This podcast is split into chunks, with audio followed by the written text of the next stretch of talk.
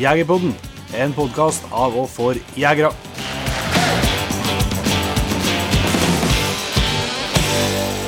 Hjertelig velkommen til dagens episode av Jegerpodden. Eh, Jon Inge, er du klar for å dele litt liveopptak igjen?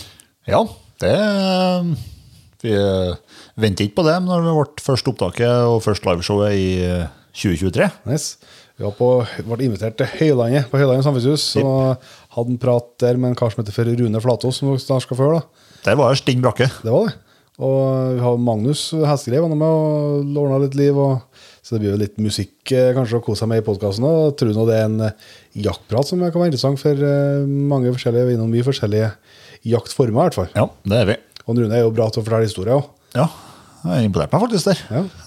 Nei, så Det ble en eh, kjempetrivelig kveld, så vi må si takk for sist til dere som eh, var der. Og, og takk for invitasjonen, og ikke minst Og så håper jeg at du som nå skal høre dette, og som ikke var der, kanskje vil eh, kjenne litt av stemningen som var i salen. da. Det var i hvert fall veldig bra.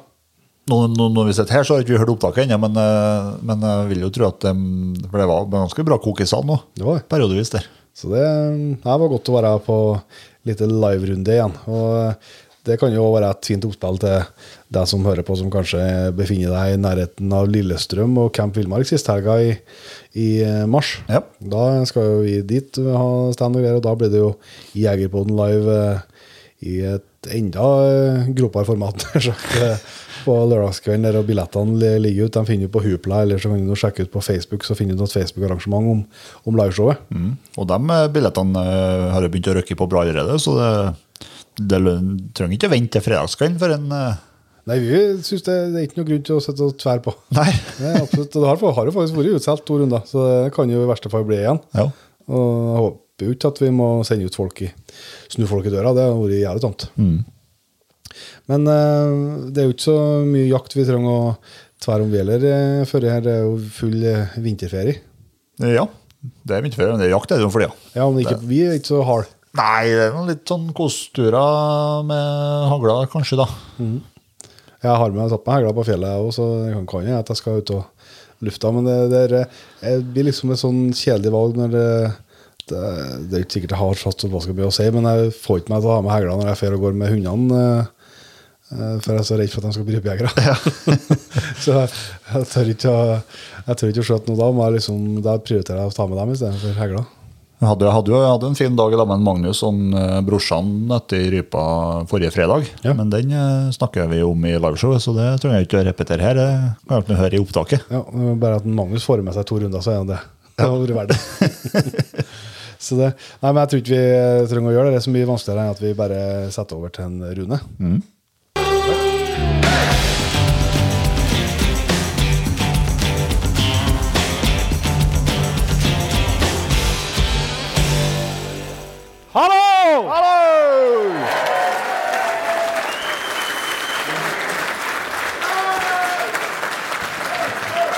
Fram. Og hjertelig velkommen til Jegerpodden live. Er det bra med oss? Yes, uh, Først og fremst så må vi få si takk til styret på, uh, i Hølandet samfunnshus for invitasjonen, at vi får komme hit. Og da er det jo ekstra artig at det er Smekkfullt. fullstappa, rett og slett. Er det, forstå, er det noen her som av og til hører på Jegerpodden? Salen, eh, Oppe i hand. Hva på det? Hel haug. Jævlig bra. Ja.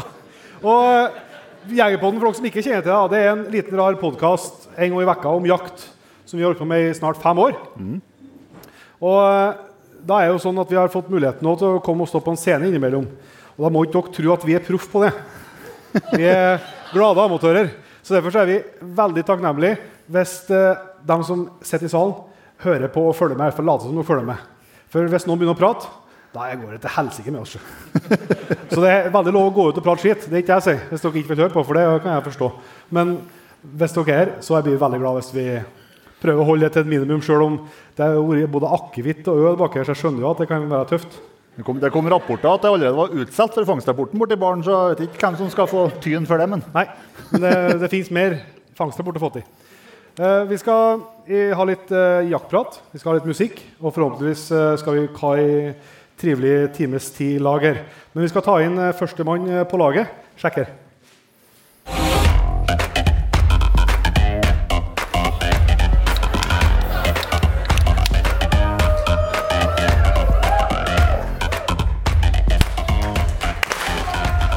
Mine damer og herrer, Kvallebot, Magnus Hessegrei.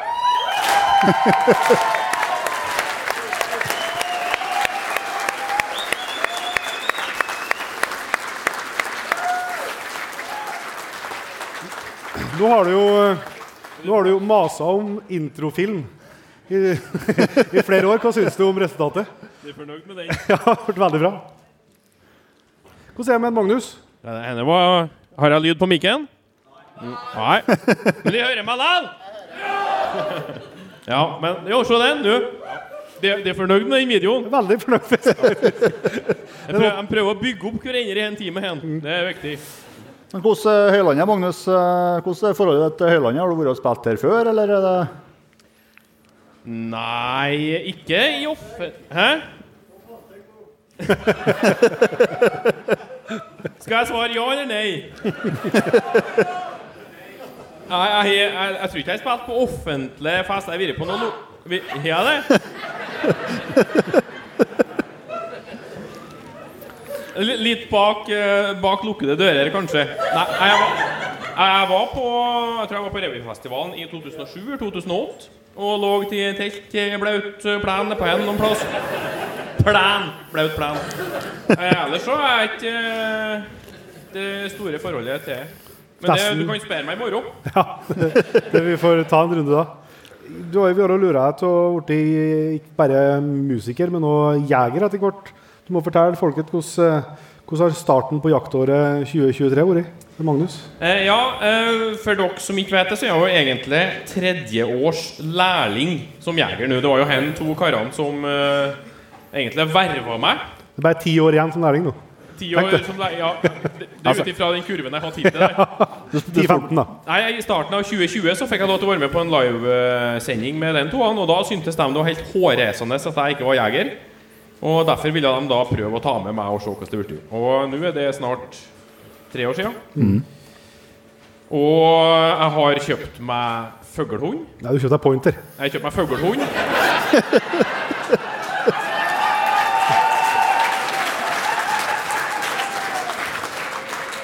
Og, og på, Være så snill, en og pointereier den.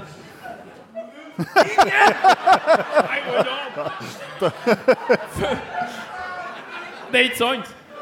Først den videoen, også null point. Jeg går ut og begynner å gløde karene. det, det, det er ikke bare at du har kjøpt Du har, Det ikke kjøpt én pointer, du har kjøpt to pointere på tre år. Det det sier vel litt. Jeg gir faktisk det. Eh, men eh, Nei, det har, året har egentlig begynt ganske bra. Nå kommer jo jeg og du Jo. rett ifra Stenfjellet. Eh, Namdalens store stolthet. Ja, Ja. er. Du var... Eh, Nei, ikke jeg, nei, men Nei, nei. fjellet, ja. For jeg fikk jo ikke lov til å være med, men eh, hvordan gikk det? Nei, jeg, jeg, jeg, var jo først og fremst med som kjentmann og litt sånn guide. da For de var med to, to stykker med unghunder. Hjalp dem litt i gang, du da? Ja, så jeg tenkte de skulle få gå fram og skjøte først. Altså, både Magnus og min kjære bror da, skjøt jo etter ryp. da Ja, det gikk. Vi åt eh, hjortkrytt til middag. Det Ja. Men det er klart at det er jo ikke så enkelt når rypa kommer flygende kjempefort så Hos- langt, øh. langt hold kanskje var Fløy ikke. Ikke? Satt på bakken. på baka. ja.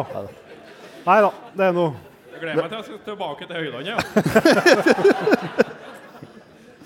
Nei, det var, det var tunge dager, egentlig. Det nå, ja. Fine dager. Det var fint på fjellet, og det var faktisk en del hundearbeid på rypa. Men eh, det ble ikke med fugl hjem, dessverre. Men eh, fint. Skal du gjøre noe du er bedre til, kanskje? Skal vi ta en par låter? Ja, vi skal gjøre det.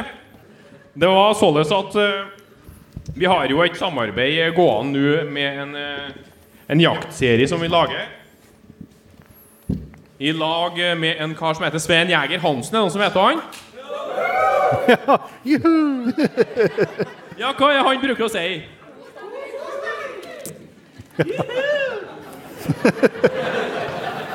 Han er jo et fyrverkeri. Vi skulle egentlig ha hatt med oss en i kveld, men det kan hende det blir anledning til å treffe oss i lag senere. Men han har jo òg eh, Han har ikke vært så forsiktig med å promotere det heller. En akevitt ute på markedet som heter Villmarksakevitten. Og den har vi Han gjør jo tredje nedover hodet på oss nå i, i to år. Men så er det således at etter fangstrapporten da, som er akevitten vi kom ut med, kom på markedet, så er han jo ikke han solgt mest av. Det er vel det som ble handla hen i kveld, antagelig. Så vi skal prøve å bygge opp under en Sven igjen med å synge låta som heter 'Jeger Hansens villmarksakevitt'. Og hvis det er noen som ikke har hørt den, jeg antar at det fins, så skal de få lov til å lære dere deler av refrenget her underveis. Og de var jo faen meg inn på jeg akkurat den nå. Det var Hva var en Sveen bruker å si? Vi skal begynne med den juhuen, og så skal vi godta god stemning etterpå. Jeg stopper litt i låta, her, så skal vi se. Er de klar for det? Ja.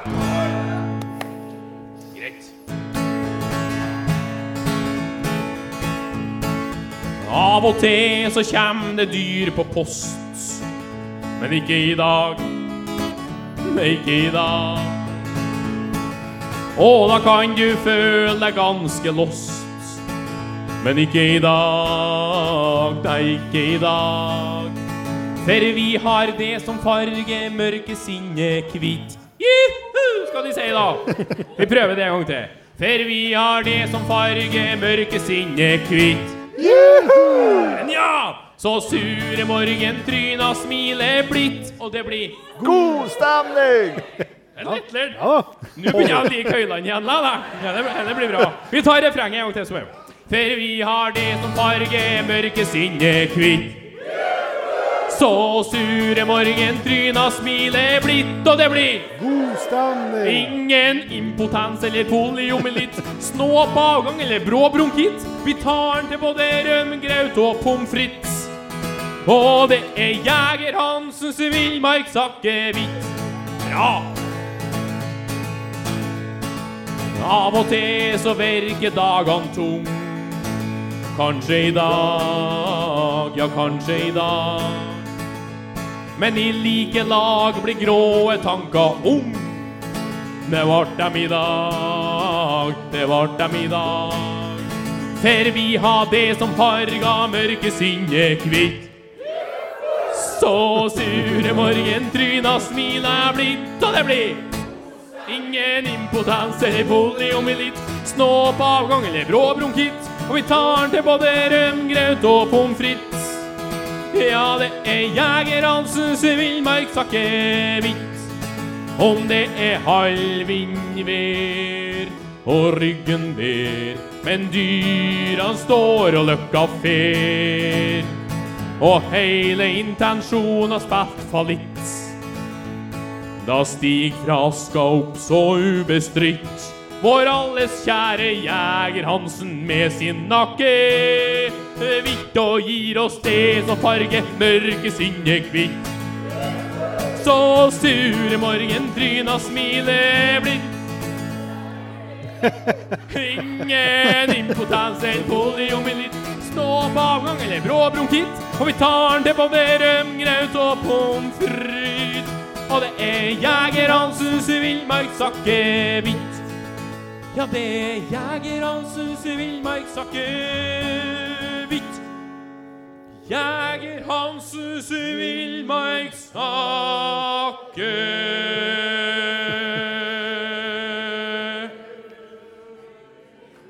Hvitt.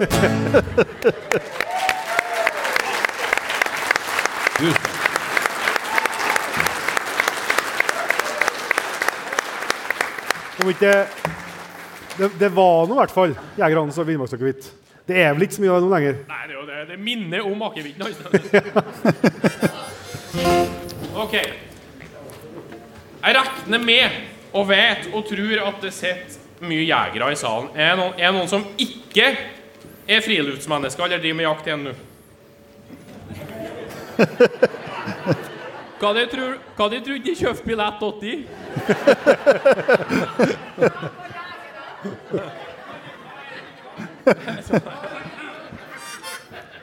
Hva heter noen som er sopinn, så de skal ha seg noe kjøtt? Um, som sagt, jeg er fersk jeger, men jeg har fått en uh, varm kjærlighet til det å gå i naturen og, og det å jakte sjøl nå, etter bare tre år. Jeg skjønner mer og mer av at mange av dere holder på med det. Og mye av de følelsene har jeg prøvd å pakke inn i en låt som heter Jegertonen. Og vi skal ta den nå, tvert. Kanskje tar vi den senere i dag òg, men eh, han er så viktig at den må vi ha tidlig i programmet.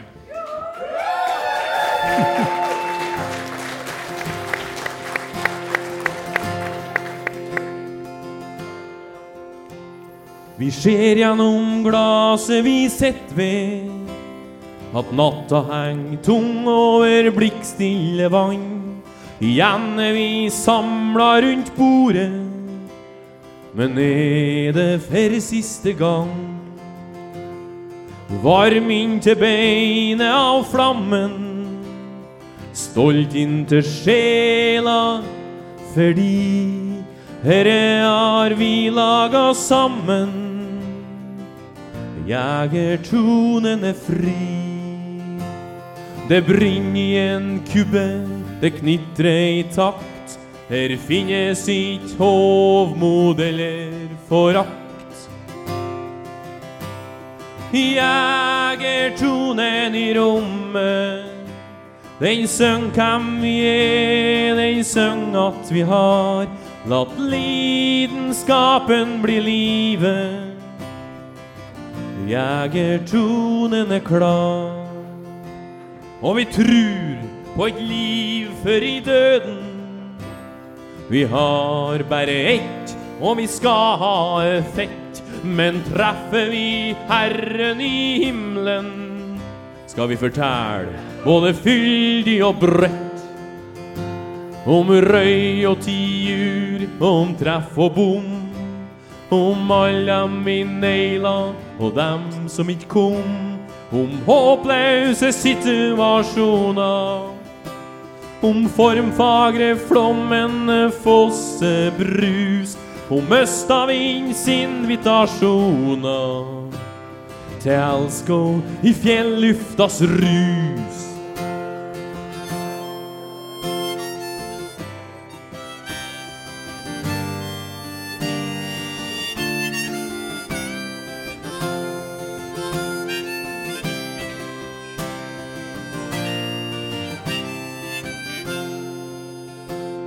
Så jegervenner, syng din sang. Løft opp ditt glass, let natta bli lang. Jegertonen i rommet, den syng hvem vi er, den syng at vi har latt lidenskapen bli livet. Jegertonen er klar. Ja, jegertonen i rommet. En sønn kan vi gi, en sønn at vi har At lidenskapen blir livet. Jegertonen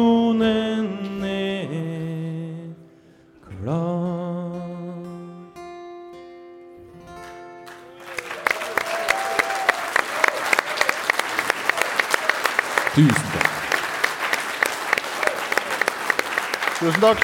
Det var Magnus Hestegreim, mine damer og herrer. Du kommer til, sikkert tilbake etter hvert, jeg vet ikke. Ja, vi satser på det.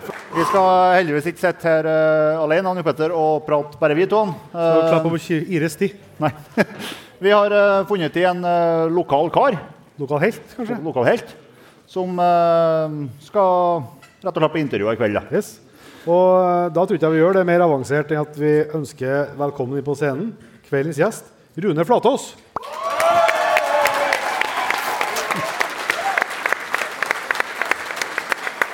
Sånn. Takk skal du ha. Takk, takk. Velkommen. Velkommen. Tusen takk. Hvordan, eh, hvordan kjennes det å være på, på scenen på eget samfunnshus? nær sagt? Det er jo veldig spennende sted. da. Det var jo veldig mye folk her. da. Ja, litt, var litt overkant mye. Sett for meg at det kunne være litt mindre, men det går, går da bra, det. Du trenger- ikke å se på dem. Nei, jeg skal ikke se på dem. Jeg, eh, jeg tenkte om et når jeg fikk eh, spørsmål om, eh, om det her, at dette skulle jeg kanskje lett være. da. Men så begynte jeg å se for meg at hvis ikke jeg sa ja, så kunne det hende at det kom en, dere måtte bø en overhaling eller en grogning, og det skulle jo ha tatt seg ut. Eller at det kom noen andre og fortalte om deg. Skulle sett en overhaling oppe og lyge i kveld. Det har ikke gått. Det, Du lærte, du lærte lista nå. det er vi jo gode til.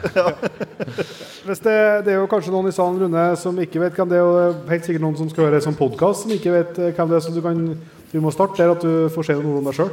Ja, jeg heter Rune Flatås og innflytter på Høylandet. Kommer fra Levanger, eh, oppvokst der. Hvor, hvor mange år må du bo på Høylandet før at du ikke er innflytta lenger? Nei, det vet jeg ikke. Jeg har bodd her i over 30 år. Da, så, men eh, ja, jeg liker nå å kalle meg holleng og lagt om dialekten litt og prøve nå det. da.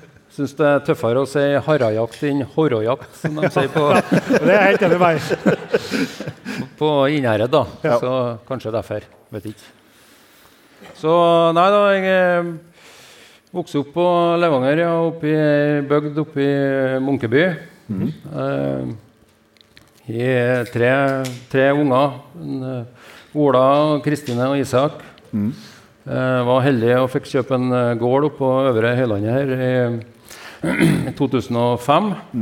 Med, med jaktrettigheter og, og en drømmeplass da, for en jeger. Eh, driver med skogbruk og snekkerer. Og tre kompiser som jeg snekrer sammen med på, når jeg ikke er på jakt da, og andre ting. Ja.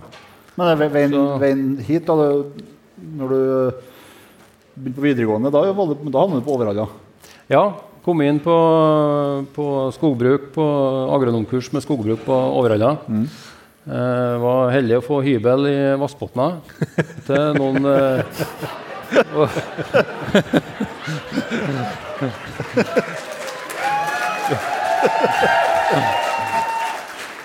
Så det, det som er her. Nei, var ikke det. Så det er vel det som er grunnen for at jeg havna på Holland, Ja, fordi at eh, der, eh, der ble jeg nå kjent med, med Holland og, og, og Namdalen. da, Med de mulighetene der med jakt og fiske. da.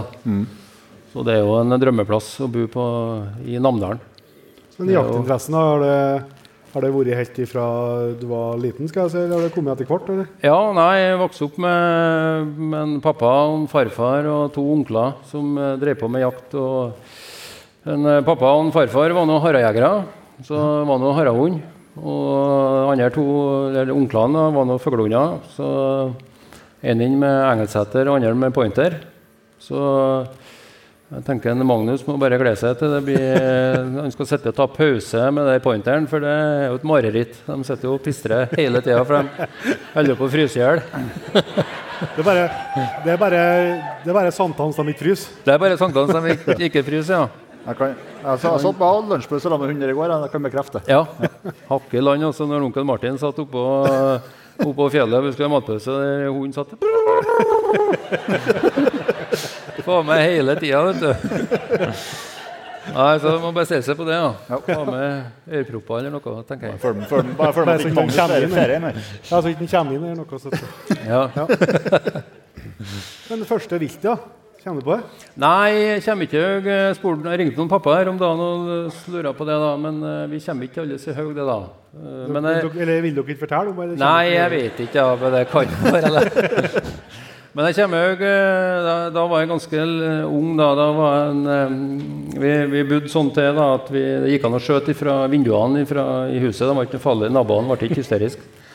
Og så var det en morgen jeg steg opp, og så satte jeg kråk oppi der bjørka på, utom huset. Og så, så lurer jeg meg inn på badet da, og fikk lura opp eh, baderomsvinduet litt forsiktig. da, og og, men eh, kråka hun er nå litt var, da, så du kan ikke stikke heggeløpet helt ut. Jeg, tror ikke heggeløpet var ute om vinduskarmen der. Og brente i vei to skotter, vet du, og kråka datt.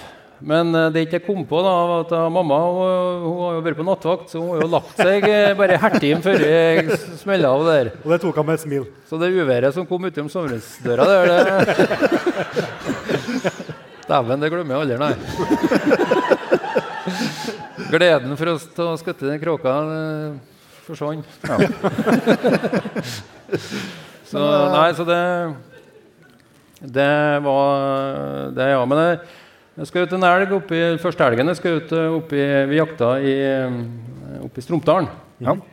Og så eh, vi var, noen, eh, vi var to stykker som jakta oppi der. Og så Ådalen heter nabodalen der.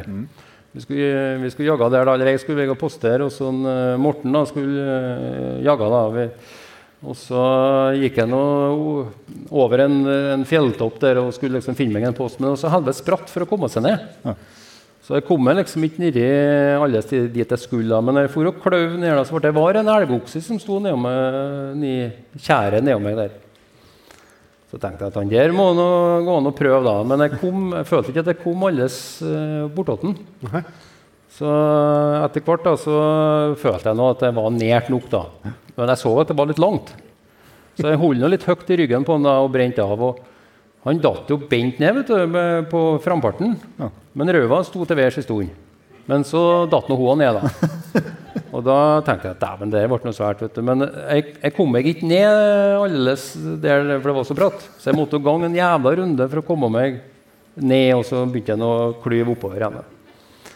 Og leta begynte å se etter elgen, da, men nei, jeg fant den ikke. Og så plutselig, vet du, der er det faen meg en elgokse som bare spretter opp på, på bakfotene. Og han går på, bare på altså Det er bare bakfotene som fungerer, da. Og går på nedover der, vet du, og går på hodet. Og, og til slutt så begynner han å ligge på noe, vind, på noe vindfall der, og får noe jeppon i skott der, da. Da viste seg det da at eh, når jeg eh, når jeg skjøt, da, så kula Hun uh, skjøt av Sonno på kneet på ene foten, og så, og så kløyva kneskåla på andre. Så det, det var ca. sånn mye neom der jeg sikta. Ja. Det var, det var, det Det var kanskje litt lenger enn hva jeg trodde. Litt, litt langt, det stemte. Ja. Men eh, det gikk nå godt. Jeg prøvde å rope opp en eh, Morten da, på radioen, men vi hadde noen sånne gamle VHF-radioer. Det sto nå sikkert to kroner i veien, så han holdt ikke grei. Men han var fornøyd da når han kom bort til fallet. da. Jeg satt oppå der elgen med kirsebærlikør og var veldig fornøyd. Ja, så, så det, så blir det, det blir noe fin slakt. Ble veldig fint slakt, ja. Nei, så det var først, uh, først elgen, da. Ja. Ja. Men uh, så bruker jo bestandig å spørre gjestene hvordan jaktåret deres ser ut fra, fra sommer til sommer. Ja, nei, hva skal si da? Jeg Begynner med, hvis en begynner på om sommeren, så begynner en å prøve å få trene, eh, få litt form på hundene. Ja. Eller på, vi har vært på noe bjørnejakt i Sverige de siste årene, og det å få hund i form til 21. august, det er jo ikke så lett da. På, på sommeren så blir nå det, og så blir jeg nå forberedt til fuglejakt og er, noen dager på rypejakt. Og så er det elgjakt. Og så jakter vi nå litt eh, jerv utover eh, mot jul. Og så blir det nå ca. tre ja, I år tror jeg det var tre timer og 40 minutter med gaupejakt i Det er februar. ikke verst. Vi skal, vi skal, komme tilbake til det. Ja. Ellers er det noe rev, da. Jeg jakter noe rev litt eh, i noe revhund. Så jeg jakter noe rev eh, fra 21. eller fra Båndtvangen eh, over, da. Så eh, så det er nå det. Og så blir det litt beverjakt eh, da, hvis det er igjen noe bever. Det er gjerne utskutt i. Og så er det jo sånn at vi eh, for å bli liksom godt kjent med folk, så må vi vite hva de har i våpenskapet, eller i hvert fall hva de har med seg ut på jakt når de er ute og fer. Ja, nei, jeg har ikke så veldig mye, da. Men jeg har nå i to trenelåt Tikka. En Tikka T3 og en Tikka 558. Ja. Eh, trenelåt av begge to. Eh, både en, eh, begge guttene i noe kulbørs og de i trenelåt, dem òg, syns det er veldig greit å ha samme kalibre da, på, på alle børsene. Enkelt. Radia, det er jo har du en smell til alt, da. Ja, ja. Og der uh, Tikkan, den eh, 558 er nå eh, veldig, det er veldig god børs. og eh, Lett på avtrekkeren. Det smell, hender seg det smeller før jeg tenkte det òg, men, eh, men det, det, det er gått bra, det òg, da. Ikke sikkert det er børsa sin feil. Nei, det er sikkert det. da. Nei, så det Og så har jeg eh, tre hegler. da, i noen, eh, En Valmet og en gammel Star som jeg fikk av pappa. Og så har jeg en Winchester eh, pumpehegl som jeg bruker på, bruker på gåsejakt. Eh, hun er selvfølgelig plombert, da. Men det hender seg at det, detter det er plass til flere enn to lell. Jeg vet ikke, det er noe galt med plomberinga, tror jeg. Det, Så det har jeg hørt snakk om at kan skje. ja, For det er plomberinga, det er avansert system. veldig avansert. ja. ja. Eh, Jeg har jo arbeidet litt på Naturbruklinja oppe i Grong, og der eh, var vi, vi var på revejakt. Ha med elevene på revejakt, og da er det litt viktig å gjøre rett. da. Ja. Du bør ikke ha noe mer skott inn. Så eh, jeg klarte jo selvfølgelig Det hender seg at jeg eh, lurer meg på en post som er bedre enn andre, så jeg var litt heldig og, litt heldig å stille meg på rett plass. Og så kom det reven, så jeg fyra i vei to skott, og så og så så jeg at han fikk den ikke helt, så jeg tenkte kanskje om det kunne være ett til, og det var det da. og det er jo ikke eh, Når du, når du hiver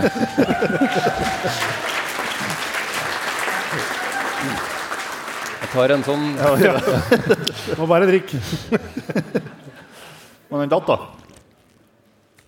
Han datt, ja, men eh, så var jeg litt heldig, da, fordi at eh, vi, det var liksom bakom en ås. da, så de Elevene som satt liksom litt dårligere postert, de, de, de, de fikk ikke med seg alle skottene. De trodde det var litt sånn, Men det var én som eh, de trodde det var en ekko og greier, da, som gjorde at det ble tre smeller.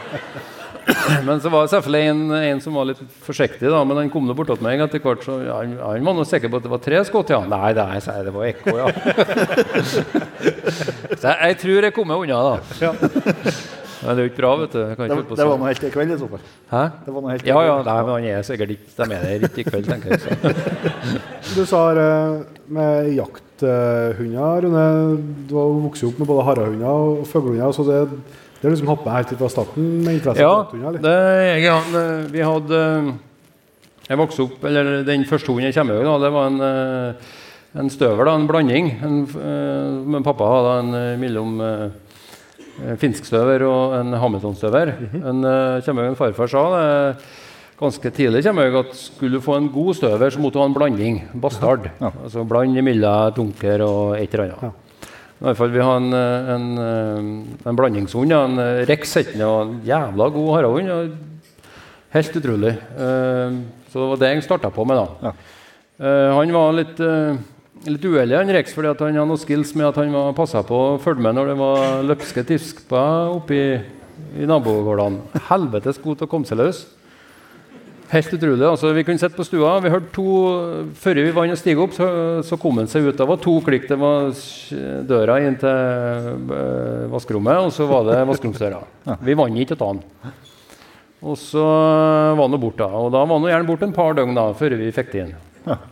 Men så var det en gang han kom seg løs, og bort var han. og og vi venta nå, eller for noe leta og fant ikke hunden. Og så ringte de noen fra lensmannskontoret. da. Det var, det var en, uh, fått inn en hund som var påkjørt. Det var akkurat når den nye seksten rundt Levanger ja. kom inn. Og det var en hverdaling som hadde kjørt på. og Han hadde lagt den i en søppelsekk og kjørte den ned på lensmannskontoret. Så han, eh, pappa fikk nå telefon. og og første som pappa gjorde, da, det var å kjøre bortover til farmor. For farmor og var også så gir inn flere hund. da, og syntes det var lett. da, det er som for og sprang i bygda. og Sånn, det var ikke bra. Og så for Pappa kommer inn på kjøkkenet, der, og så øh, sier han Med sommeren kommer inn på kjøkkenet, så sier han til Sea farmor der, så du Ole noe? For en farfar da var nede, på, nede i bygda. Ja. Og pappa hørte ikke hva farmor sa. vet du. Så sier han at nei, han får du aldri se igjen.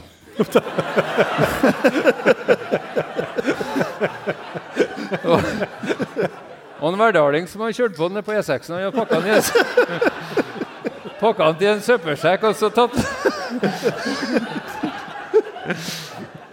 og, og farmor vet du, knekker helt i opp. Hva skal jeg gjøre nå, da? Jeg, jeg, jeg klarer meg ikke uten Ole. Ja, men det er jo bare en hund, sier han. Så sånn uh, Enten farfar Nei, enten Rex opp, da. Farfar berga heldigvis i mange år til, da. Men i alle fall eh, Jeg vokste opp med, med det, og så det er onklene mine da, som har fuglehunder. Ja. Og så har jeg noen søskenbarn da, som var veldig ivrige. Så vi jakta mye ryp. Vi leide rypehval på Namdalseid i mange år. 15 år. Var der uh, i ukas tid. Og, og har andre kompiser da, som har fuglehunder. Ja. Så jeg jakta mye fugl Hvilke jakthunder har du hatt sjøl? Jeg har hatt uh, harahunder, og så har jeg hatt uh, Vi har hatt uh, Østebys Laika.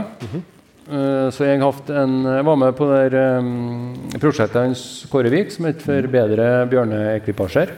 Så da kjøpte vi en, eh, en labrador som vi trena opp til å spore bjørn.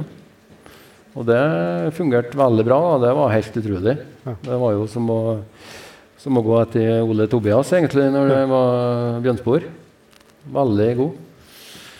Så jeg har hatt noe hatt en Haraon til, ja, og nå har jeg en uh, Hamilton-støver, nei, en fiskstøver og en, uh, en foxterrier, da, eller en Isak, da, øngsgutten sin idé, da. Men vi, og, og en Kokso, da, der uh, finskstøveren er jo hiver i lag, da.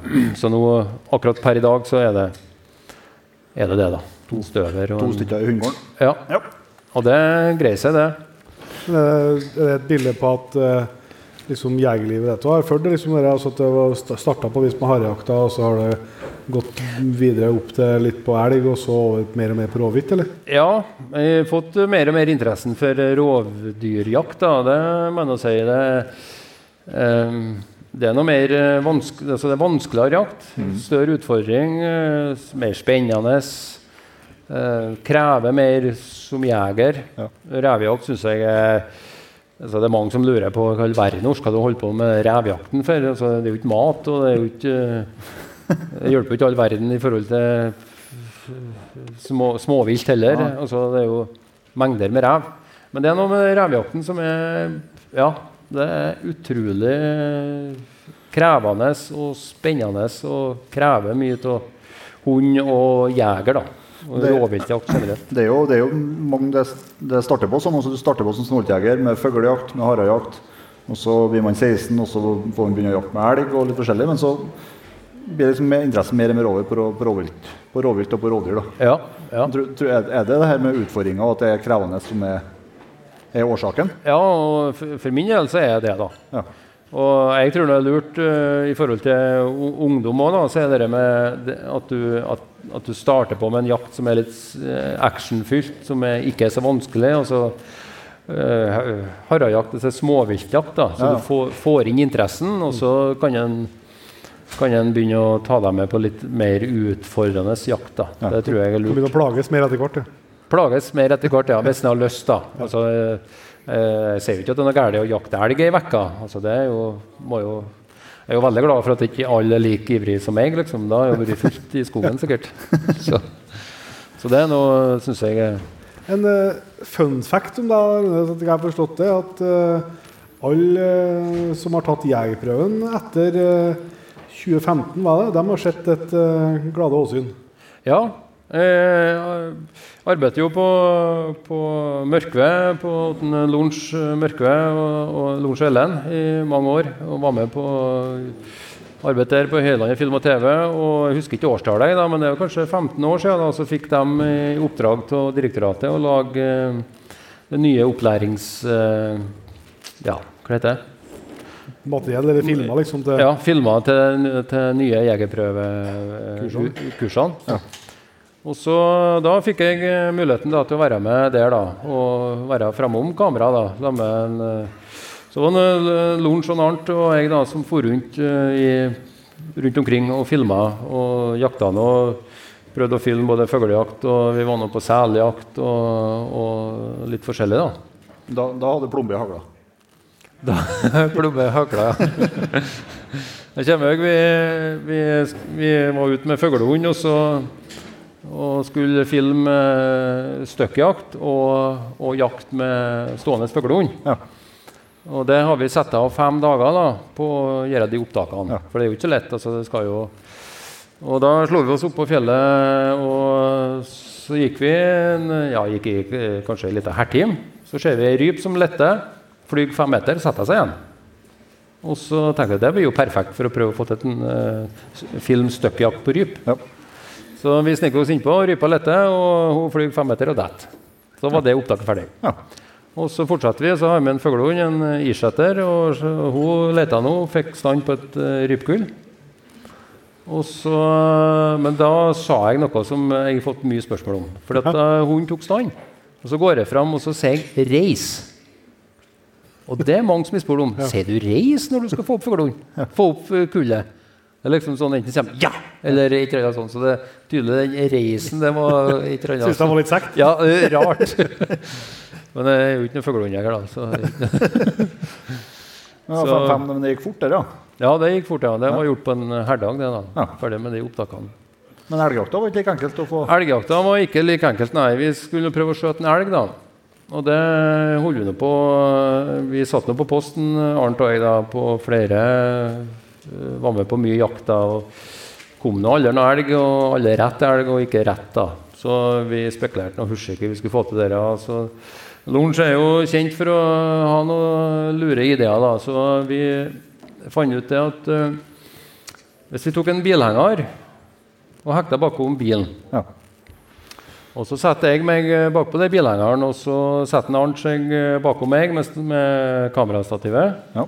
Og så Lorentz tok bilen, og så kjørte han innover eh, Mørkefjellet om eh, morgenen akkurat når eh, lyset var helt perfekt. Så jeg satt nå bakpå der hengeren, og han, eh, Arnt eh, satt bakom. Og han, eh, så har vi kabel da, ifra, ifra kameraet og så, eh, inn i bilen.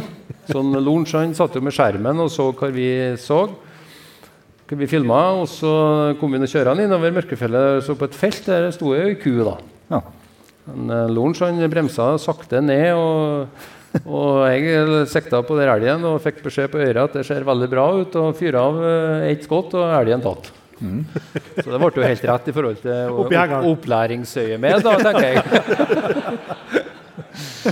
Men eh, det som var litt snedig, da, var, det artige, var det at når vi kom og skulle se på det opptaket da, nede på redigeringsrommet der, så så det var en sånn aluminiumsplatt i der hengeren. vet du. Så når eh, jeg ganske da, tok ladegrep, så hørte vi den der eh, patronen datt ned i aluminiumsplatt og singla.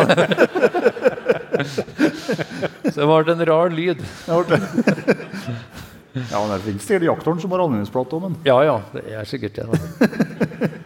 Da, dere med jegerprøven, det er jo ikke bare på fra, fra kamera du har bidratt. Skal jeg si, du har vært instruktør i mange år òg. Ja, jeg er jegerprøveinstruktør, da. Vært det i ja, 20 år, kanskje. da. Ja. Så det syns jeg er veldig artig. da. Synes det er veldig artig å, å, å prøve å lære bort litt av det en holder på med, med i de alle årene, og likeens eh, lære opp nye. Gi dem noen gode tips og prøve å, å, å stelle dem på det nye, det de skal til med. da. Så det er artig. Det har du hatt på, gjennom jobben på skolen på Grong. Ja, vi har vært ja, i, når vi har vært med, nye jegere ut, liksom. vært med nye jegere ut, ja, og det er veldig artig.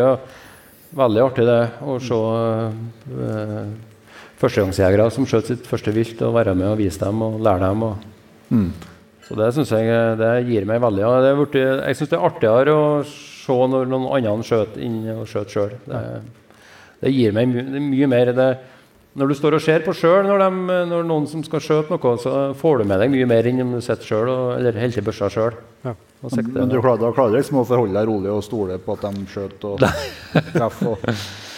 Nei, jeg har hatt noen runder med det der, eh, men jeg har vært med noen ungdommer på skal skjøte sin første elg. da. Det har ikke gått bra, da. Eh, Helt bra. For, for ikke for at det ikke har gått bra for dem, eller? Det har gått veldig bra for dem, ja. Men jeg har litt eh, utfordring med å la være å skjøte sjøl. Så eh, kommer jo en eh, Ola, gamle skuten, skulle, skulle prøve å skjøte sin første elg. da det var skulle skjøte på Innjorda. da. Det var ei tvell- nei, ja, ei som har vært frampå der flere kvelder. og ja, ble vi enige om at nå skulle han få lov til å prøve, han da. Eller få prøve. Så vi slo oss dit og satte oss inn i Brengberiset der, og, og bare en sånn 70 meter ifra der de brukte å komme ut på. da. Og gikk jo ikke lang tid, vet du. Det kommer noen tvillingkuer sigende utpå. da, og, og Kalvene brukte litt tid da, for å komme seg utpå, så vi måtte sitte der og vente. Og så plutselig så ser vi kua kaste opp huet og begynne å se inn i skogen der. Bakom seg der, og så det kommer ut en liten okse.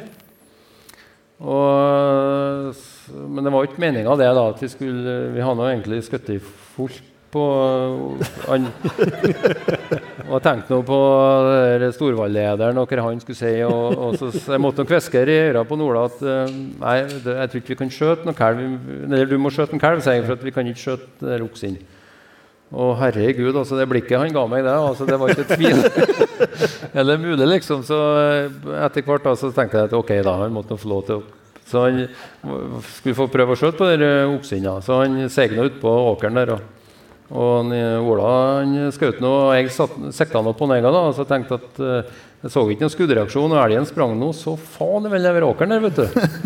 tenkte jeg, nei, det her nå har faen meg fått til noe bakvendt, altså. Jeg måtte prøve, jeg òg, da. Og fyra vei to skott vet du, og skjedde ingen verdens ting. Og elgen han svinga nå til der og fikk nå en eh, sving på en framfot der og daua nå. Ja. Så det ble jo helt perfekt. da, Så jeg tenkte at jeg bomma nå sikkert. Så vi dro, fikk ned elgen i slakkbua, og begynte å flå og greier. og, og Alt i hop så helt greit ut, og skottet hans var helt perfekt. Han, han har skutt bra, han. Rett i bogen. vet du. Og så skulle jeg begynne å fli ut atti bakenden på han.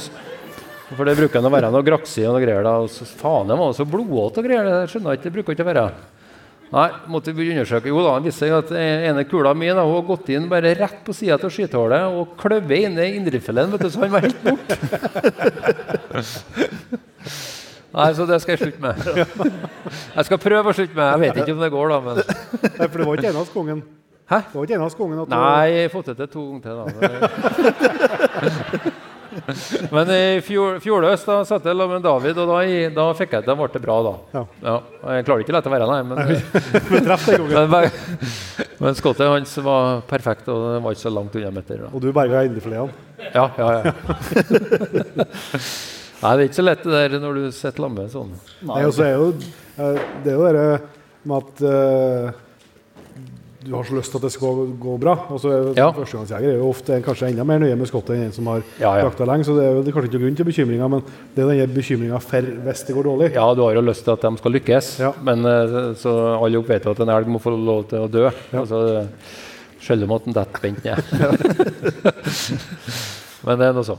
Jeg skal, bli, jeg skal prøve å bli dyktig på det. Jo. Mm, hvis jeg får være med en tur til. Jeg vet ikke. Ehm, du nevnte jo revejakta, og du nevnte hundene våre nå, også finstøver og, og uh, foxterrier. Ja. Uh, og den foxterrieren er jo en ganske ny investering. ja. Han eh, blir snart året, da. Ja. Så det, blir, det går i gang med trening på han uh, framover nå. da. Ja, vi ble anbefalt at vi skal vente med å slippe han inn i noe hi. da. Ja. For jeg sa jo det ganske tidlig når vi fikk, der, eh, fikk inn Cox, da, en uh, finstøveren, at vi skulle eh, Altså en eh, terrier, det skulle vi ikke ha. Nei. For det, vi har noe, Det har jeg også sagt noen. Ja, Du, du har du sagt det flere ganger. Jeg har sagt det flere ganger. ja. ja. Jeg kjenner, kjenner mange som har sagt det. Og at eh, de, de har der terrieren en stund, og så kommer han bort. Men eh, nei, da, en, en Zippo, som han heter, da, han, eh, det ser bra ut. da. Så det går bra, det. Så spent på det. For det går, jo- så du skjøt rev i dag, du? Ja, dæven, det var litt av en opplevelse. Ja, det kan vi ta applaus for. Det var applaus for. Herregud. Jeg har jakta rev i ja, ganske mange år, ja, og aldri hatt så artig en revlos som i dag. altså. Nei. Og har jo til med, med kjæresten på post, og det hender seg at det kan bli noe tulle, men i dag gikk det faen meg bra. altså. Ja, det, Så det var man kan bli ufokusert, da. Ja, han kan det, sjø. Ja. Så, nei da, men hun, hun var veldig dyktig for at vi har jo trekker, vet du. Ja. Trekker på, da må du, og det er jo ikke så lett å stå på post og se på telefon. Nei. Men hun var veldig dyktig. Hun holdt telefonen imot meg hele tida, sånn, så jeg bare kunne gløtte på telefonen. Sånn. Det var veldig snedig. Så eh, hvordan var, hvordan var hallet, da? Måtte være sylfersk, det òg, kanskje? Ja, helt sikkert. Veldig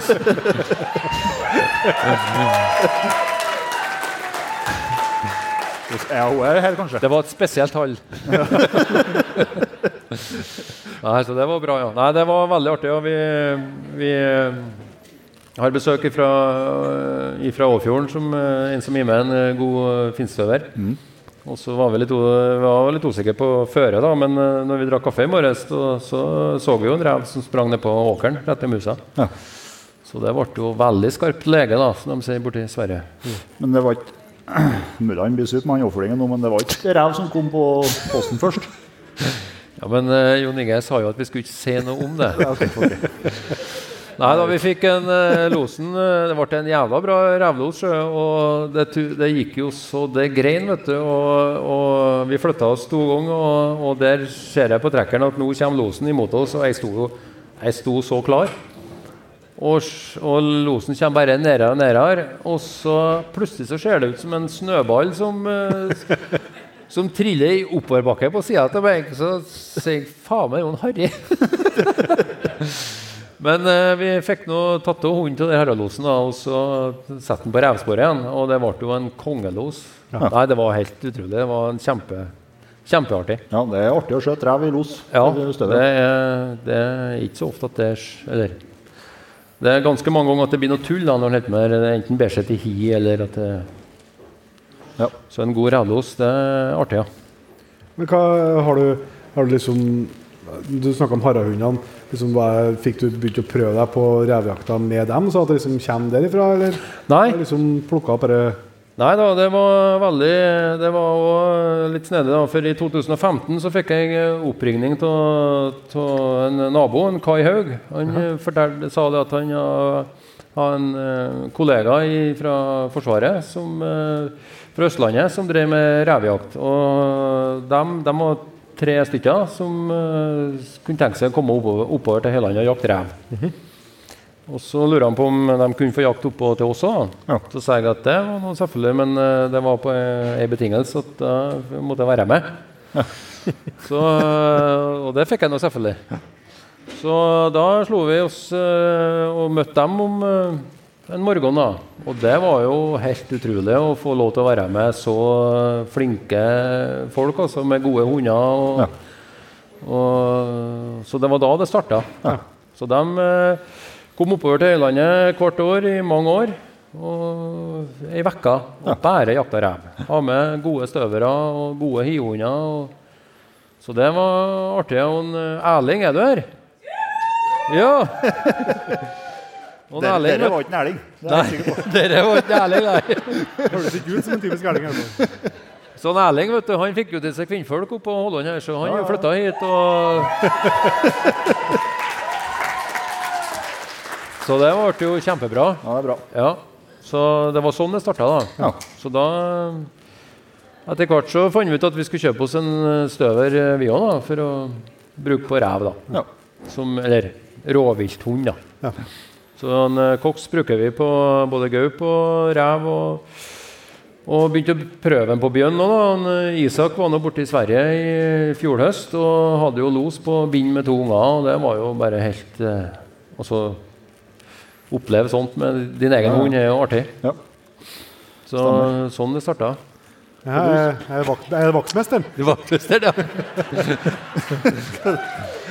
Artig litt for lite oppmerksomhet nå. Bare stig på. Kanskje vi skal la den spille litt. Ja, vi må få spille den. lenge nå. Ja. Du fikk ikke med deg det med pointeren? Hæ? Fikk du ikke med deg det med pointeren? Jo, jeg gjorde det. Og det var nettopp derfor jeg ville avbryte litt her nå. Egentlig så holdt jeg på å skulle gå og hente den. og så slapp jeg. Nei, vi skal få um, bryte opp litt med en par låter hen igjen. Kan de fortsette?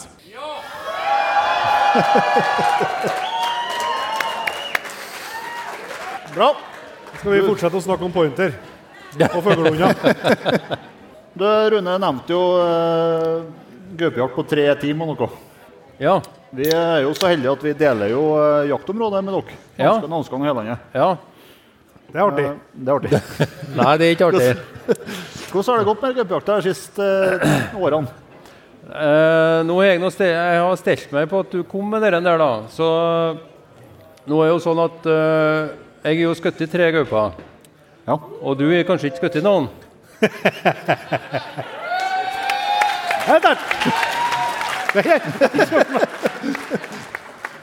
Så jeg eh, har nå så mye skinn, da, så jeg tenkte at du kunne Jeg tenkte du kunne få låne dette her da, til du har skutt ei gaup.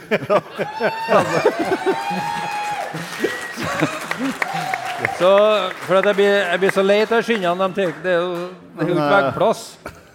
Du Dette kan ta lang tid, det. For at du får tilbake det her, ja. Ja, nei, det, Dere er jo dyktige på Namsskogan, så det kan jo gå fort. Nei, det, det, det har vært litt kriging de siste årene. det har vært det. Det er, jo, det er jo litt sånn at det er jo førstemann til mølla, og det går jo det går jo litt for fort. Faen, du var forberedt på det her, ja. Nei, Jeg så for meg at du kom med den, ja, for jeg skjønner det at eh, dere skjøt jo to gauper første dagen. Ei Ja. på, ei på gærlig side og ei på rett side, så Eller begge på. så Nei, det har vært gaupejaktene eh, Ja, jeg starta nå på å få være med på gaupejakt på eh, omtrent med en gang jeg kom flytta ned hit. Ja. Og det var jo før det var kvotejakt. Eh, og da var det jo bra med gaup. ja. Så da jakta vi og skjøt mye gaup. Jeg tror vi sk- ganske sikker på at vi skjøt seks gauper den ene vinteren. da. Ja. På, og det har jo da heldigvis for noen, og dessverre for noen, at er det er blitt mindre gaup. ja.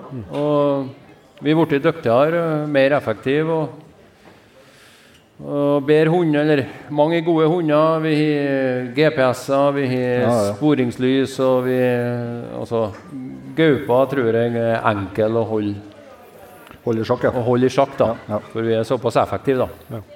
Men eh, selvfølgelig, vi går og gleder oss i mange dager og vekker før og snakker om gaupejakt. Men det Herregud, altså, når den meldinga om at kvoten er fullt eh, klokka ett eh, 1. februar, det nedtur, Ja, det, det er tamt.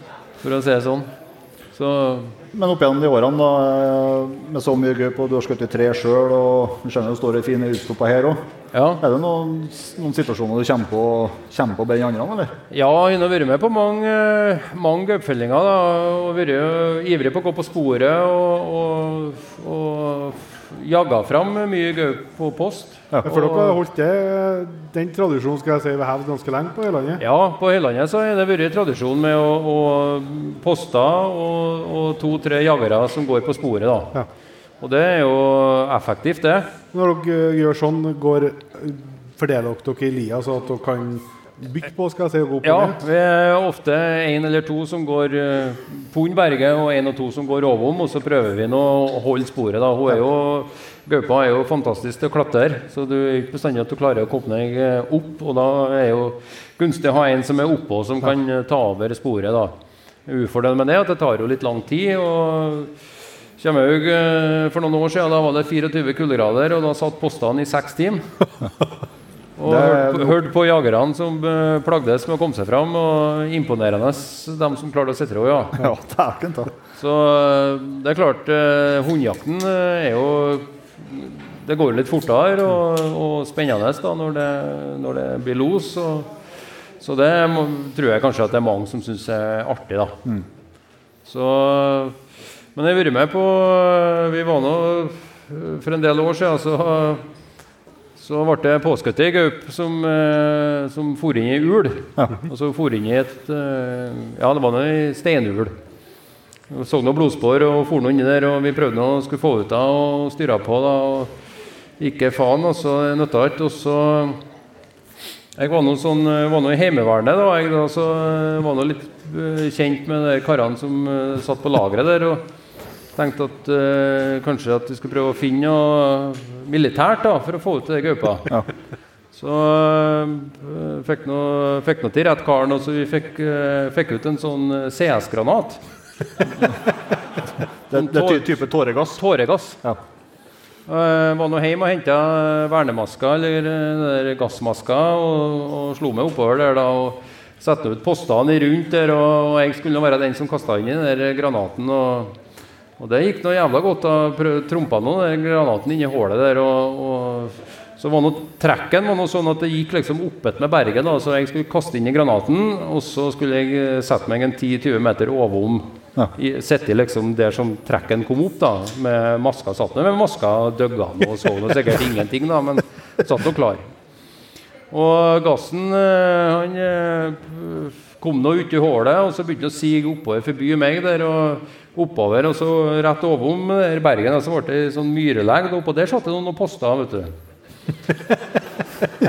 Å, herregud, vet du, hørte noe, det ble jo ikke noe styr oppå der. Jeg hørte noe, det ble sånn rabalder, da. Så han, han som satt lengst innpå myra der, han ser han først inn, da, som satt nærest meg der, da. Han kom sprengende oppover. Han så bare kom en sånn grå sky, og han, posteren der, han, han, han sprang i skya. og da hørte han, hørte han det, så, hørte det, han posteren som sprang i skya. 'Jeg dør, jeg dør'. Og det kom jo faen ikke ut noe gaup, vet du. Så det, det gikk jo ikke mange dagene, så så jeg at det var noen sånn demonstrasjon eller et eller annet i London, og da drev de og kasta ut sånne granater der hestene de har jo ikke en gassmask, så jeg vet da faen. Det er ikke sikkert gaupa bryr seg om det der. tror det funker bare på folk. Det der. Ja. Nei, hun, hun, hun, men hun kom nå ut til slutt, og, og, og vi fikk nå skutt henne. Ja. Men Det gikk, eh, gikk mange dager, ja. Gikk ei uke, tenker jeg. Så, så det var Men CS-granat er ikke noe å anbefale. da. Nei, det, Det fins likevel. Det er ikke blitt standard utrustning på Høland heller. Nei, det er ikke det. Men det var artig historie, da. Ja. Ja. Jerven, da. Der har jeg forstått at du har egna mye tid til det, Ja. og det går godt, forstår jeg. Jerv har jeg eh, satt av parten min på, ja, og postert, ja. Ja. Så drev vi på mye med det. Eh, har lagt ut åt og satt av på Satt av i, i, i bue, da, eller i forskjellige husvær eh, oppe i fjellet, da, og venta på det jerven. Og det ja, Jeg vet ikke hvor mange eh, døgn jeg, altså, Det er sikkert snakk om år. Jeg satt og venta på jerven. Ikke faen, altså. Det er ikke, ikke skutt jerv. Ikke skutt jerv. Eh, til slutt så Kanskje, kanskje, kanskje vi kan bytte, da? Ok. ja, nå hitter du med noe jervskinn. den, Ja, var ikke så helt forberedt på du, du har kanskje ikke så mange? Nei, det er ikke kjelleren full, nei. Nei. Da, men eh, jeg har en drøm om å skjøte en jerv, da. Men i alle fall så Så jeg hadde jo et jerveåt inne i fjellet innom på gården. Og satt inne i skogastu der og mange runder, og ikke faen, altså. Han kom ikke. Så jeg måtte spørre om hjelp, da. Sånn eh, spurte eh, Georg og Lasse da, om, om de kunne hjelpe meg å ta i annenhver natt. da. Ja. Så vi Jeg satt nå der, eh, satt nå der en natt, og så satt en Georg en natt, og så satt en kom en Lasse, da. Og da Vi har jo, har jo sånn eh, viltkamera, da, vet du, så det får jo bildene alle opp. da, Så jeg lå og sov om natta, og så kom jeg pling da på telefonen. og og tok opp telefonen, og Lasse satt jo inni der, så jeg visste jo at han var på plass. Så jeg tok opp telefonen og, og så at det var gjær på åte, og steg opp og kom akkurat på badet, så kom det melding. I kill that shit.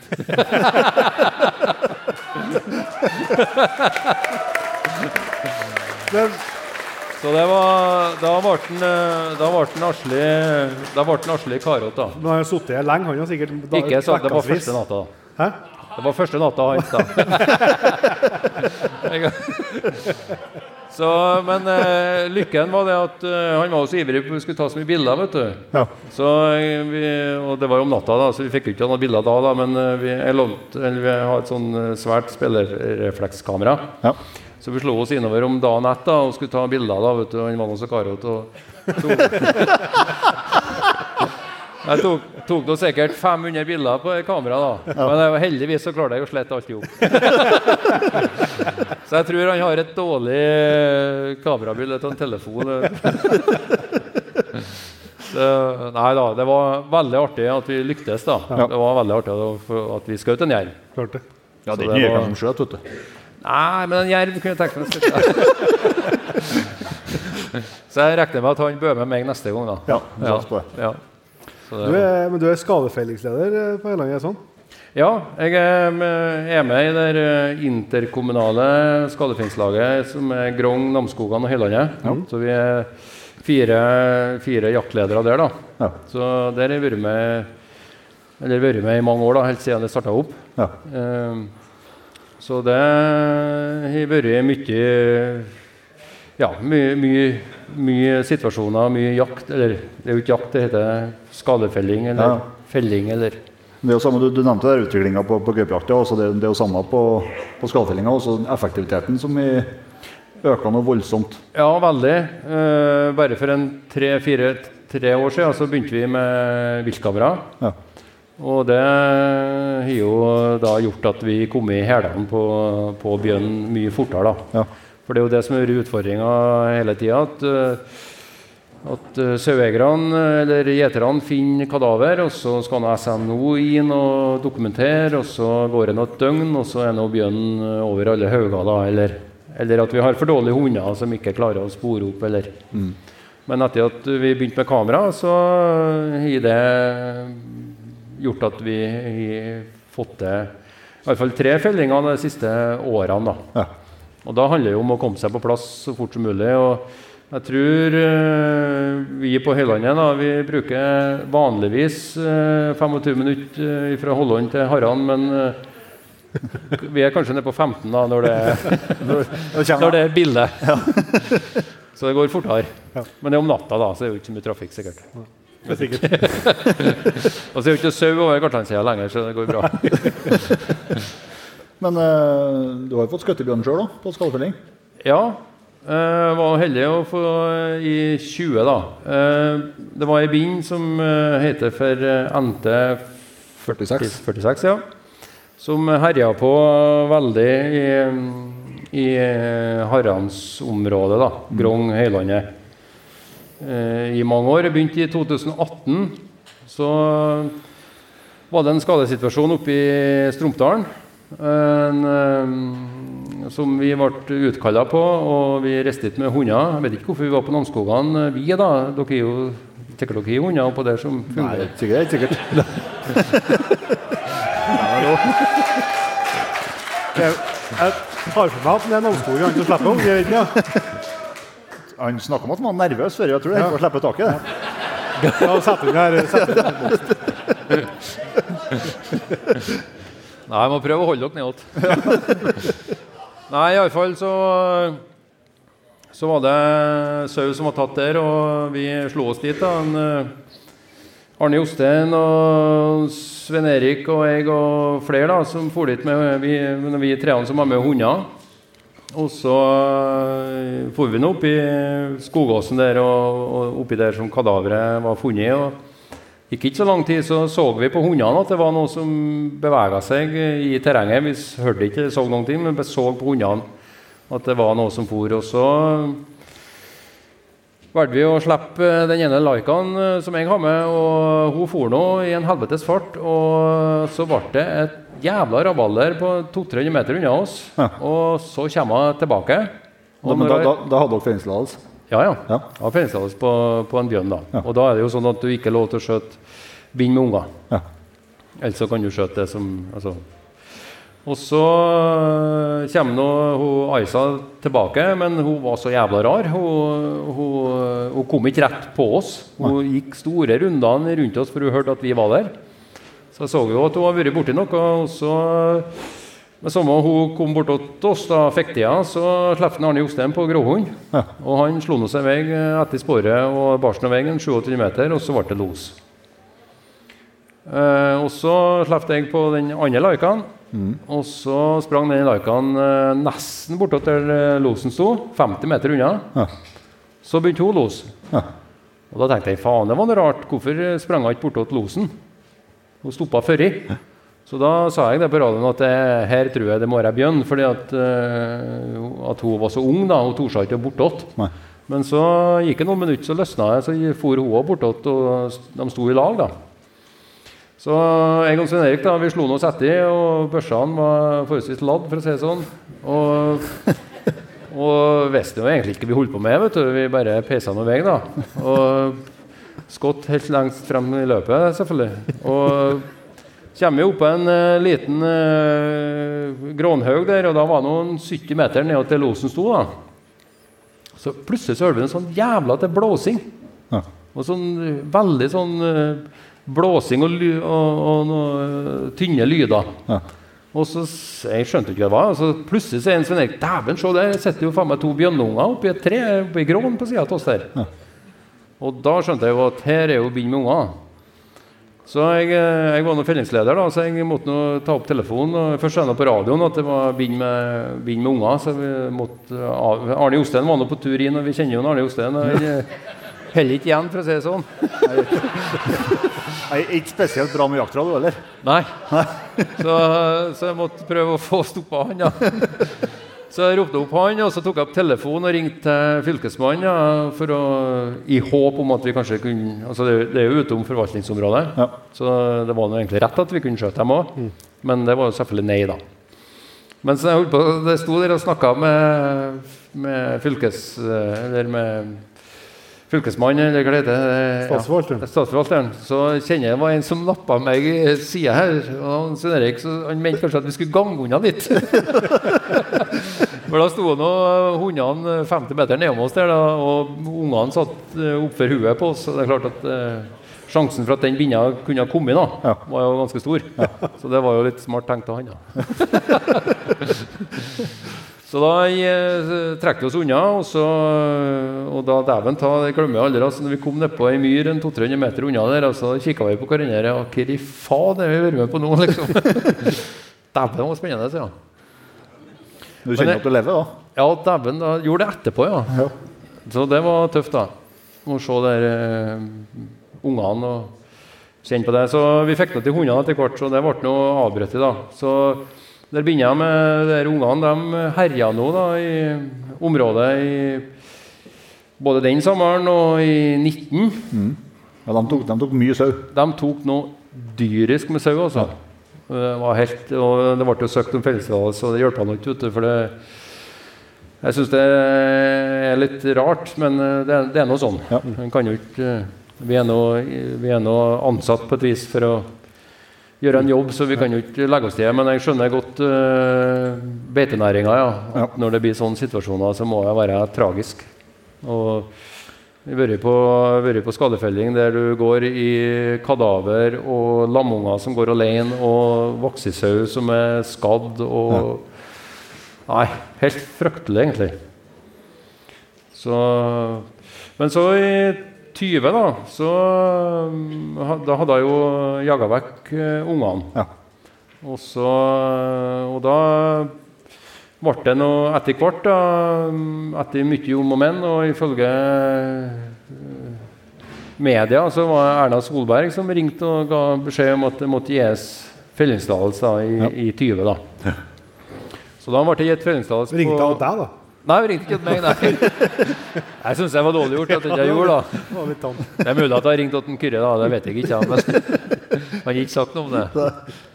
Men i alle fall, da ble det gitt fellingstillatelse på to hannbjørner. Ja. Og det er jo litt underlig, da, fordi at eh, det er jo politisk, selvfølgelig, å gi fellingstillatelse på to hannbjørner. Altså det, det er som å gi fellingstillatelse på to hannharrer, liksom. Det går ikke an å se Du ser ikke uh, forskjell på kjønnet Før det- er for sent. Før det er for sent, ja. Før de er døde. Du kan kanskje se, se at det er en stor hannbjørn, Ja. men du ser ikke eh, på en normal bjørn. Nei. Det er ikke de, de, de har veldig god tid til å studere dem heller. Nei, det er sant. Og ikke har de hånd eller noen ting. Nei. Så vidt jeg vet. Faen, du er skarp, du. ja. Ikke sett noe Ikke sett noe hånd inni, i hvert. Eh, Så da ble det det, da. Også, og da har vi nå kommet i gang med de kameraene, og, og mye kamera ut. Og, og var mye, var mye kadaver. Og vi fant ut at det var lurt å sette opp, nei, sette opp kamera da, på alle kadaver. Ja. Fordi at Selv om det nesten var oppeti, så kom en gjerne tilbake. Kunne gå i vekka eller eh, lengre tid òg. Uh, pluss at det var en del uh, elg som var tatt om uh, tidlig på våren. Ja. Og det var bare skinn og bein som lå igjen, men han tok gjerne runden om forbi. da. Ja. Så da plutselig så fikk vi Og det var første bjørnfellinga jeg var med på da. Da fikk vi fikk vi et bilde, og det tok ikke Ja, vi var på, på plass i løpet av en liten halvtime. Og posterte ut, og Arne Jostein slapp hund og ble et jævla rabalder og gikk ikke mer inn Det var 20 dere oppe på Høylandet? Nei, der er oppe i Haran. Ja, men det var, der var det hund fra Namsskogan, det var det jeg skulle fram til. Så at, Ja. det stemmer. Det var noen gråskår. Det var en gråhund, da. Jævlig bra. bra. Ja, må gi tilbake. Ja. ja. Så da smalt det Jeg hørte ikke smellene, da, men jeg hørte på radioen at det var en, en eh, Lasse skutt i en eh, hannbjørn, da. Ja. Heldigvis.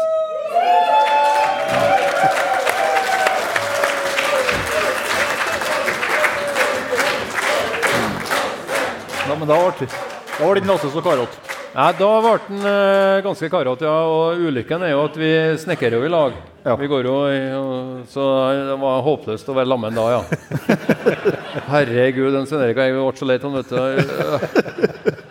Nei, jeg var hele tida sånn eh, var- Måtte innpå det temaet da, hele tida. Ja. Matpausene og Men så gikk det en liten uke, og så fikk vi et nytt bilde, da. Og, og da Nei, vi snakker ikke om det bildet. Nei, det er jo sånn da, vet du, når, du, når vi hiver så mye kamera ut. Ja. Så når den natta eh, vi skjøt den første inn, da, så eh, fikk vi bilde av en bjørn til. Ja. Men jeg tror jeg hadde, om jeg har fire eller fem kamera på telefonen, da. Ja. Så jeg fikk jo bilde av en bjørn da på, fra et annet kamera. Ja.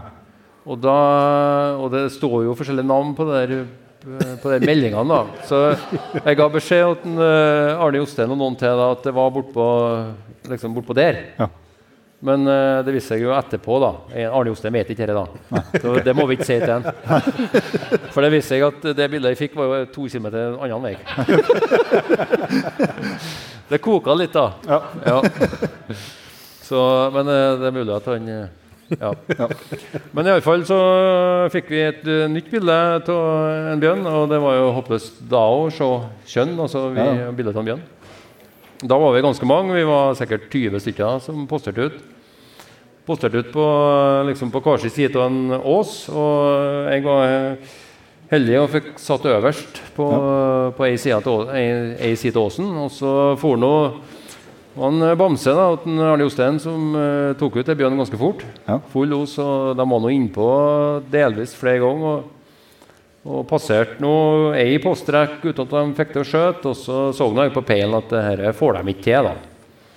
Så jeg tenkte at eh, jeg sa på radioen at kanskje jeg skal ta på meg eh, sjumilsstøvelen og så gå over åsen og så komme ned på andre sida. Og jeg sa det på radioen òg, da, at jeg gjorde det. Så jeg kom meg over på andre sida, og da hadde nå Bjørnlosen passert. Og når jeg kom ned åssida på andre sida der, da, så da var det 600 meter fra meg og bortåt losen, som kom sigende. Ja. Og dæven søkke, altså, det var spennende ja, å stå i den furuskogen der og følge med på peilen. Og ser bare bjørnen komme sigende nedere og nedere. Og Ja. til slutt så kommer han nå frampå ei myr der og forsøker den. da. Så det var, det var stor opplevelse. Det å skjøte bjørn, ja. Vart, uh... Men det var jo, det var jo Jeg tenkte jo ikke på kjønnet. Jeg tenkte jo ikke på det. altså, En bjørn er jo en bjørn. det, så jeg, tenkte ikke på det. Så han eh, Kyrre ringte meg da på telefonen og så lurte på Først så lurer han Han visste ikke at det var jeg som var skutt så han, han eh, sa at jeg måtte ta med meg posterne fra andre sida. Så sa jeg at nei, det vet jeg ikke om jeg får til, for jeg står nå med bjørn her. Ja. Å faen, det er du som er skutt sier han. Og så sier han eh, ja, det er jeg som er skutt. Så sier han hva er det for kjønn, sier han. Nei, kjønn, sier jeg. Det er en bjørn. Nei, så, så jeg måtte løfte på foten, og så sier han det er ei bind, sier jeg. Ja. Dæven, det ble stilt, ja. For det var jo alle all utenom meg sikkert tenkt på det at eh, det var kanskje dumt å skjøte i bindene. Ja. Men, eh, men det gikk jo bra. Og vi var heldige, for en, eh, Even Bjørnes fra SNO var sammen med oss. Ja. Både dagen før og den kvelden. Og, og det har med seg SNO, de er flinke og i gode hunder og veldig, veldig fornøyd med det. Ja. Så da blir jeg så mye lettere alt i hop. i Ja, forhold til det. Og så blir det ikke noe spørsmål. Altså, da er det myndighetene, hvis de lurer på noe, eller det er noen som lurer på noe, så er det svaret han veldig godt for seg. Ja. Ja, og så og så jeg vet jo, Den, den fellinga der betydde jo ekstra mye for, for sørbøndene. Det gjorde Det var det. jo flagging både i Stromdalen og på Aune. Og, Ja, ja. Jeg skjønner jo det. At uh, ei bind som går i et sånt område, gjør jo det at det blir jo ikke noe fellingstillatelse. Og det Nei, og så tiltrakk hun seg mer bjørn, for det har vært rolig i etterkant. vært vært veldig rolig. Kom en bjørn i fjor og det gikk nå en kveld, så var nå den bjørnen død òg, da. Det ja. gått bra.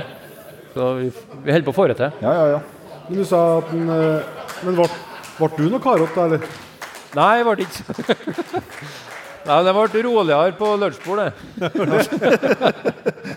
han, han, han skjøt jo en hannbjørn, mens jeg skjøt eh, 46, NT46. Liksom. Det, ja. ja da. Du har en plakett med NT46, er det sånn? Hæ? Plaka, en plakett med NT46? Ja, det. Nei da. Vi, vi er jo på et vis ansatt for å gjøre en jobb, så, så, men selvfølgelig, som jeger så er det jo en stor opplevelse å, å få lov til å være med på det. da. Yes. Men dæven ta, det kan jeg love dere at det er da netter at det ikke er like artig å være med i Skadefestlaget. òg, når du sitter sitter sammen med Knorten og, og plages, og, så det er ikke bare bare, nei. Nei. Men eh, ja. Veldig bra. Vi skal, eh, folk skal fortsette å få drikke, og vi skal ha det er jo konsert etter hvert, så vi må begynne å runde av litt, tror jeg. Det skal vi gjøre. Men eh, før vi gjør det helt eh, og fullt, eh, Rune, så har vi jo litt eh, faste spørsmål og litt eh, på slutten når vi har med oss eh, gjester, og det skal vi ha med deg gjennom òg. så vi kan, vi kan starte der og spørre om du har noe jaktdrøm som du ikke har fått levd ut.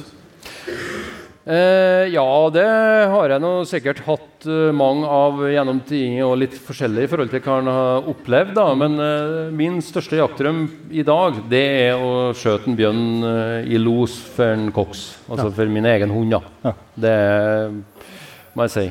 Det er uten tvil. Han Og skjell helst bjørn, så. Hæ? Han skjell bjørn nå. Ja, ja. Ja. Han losa bjørn i Sverige i fjor.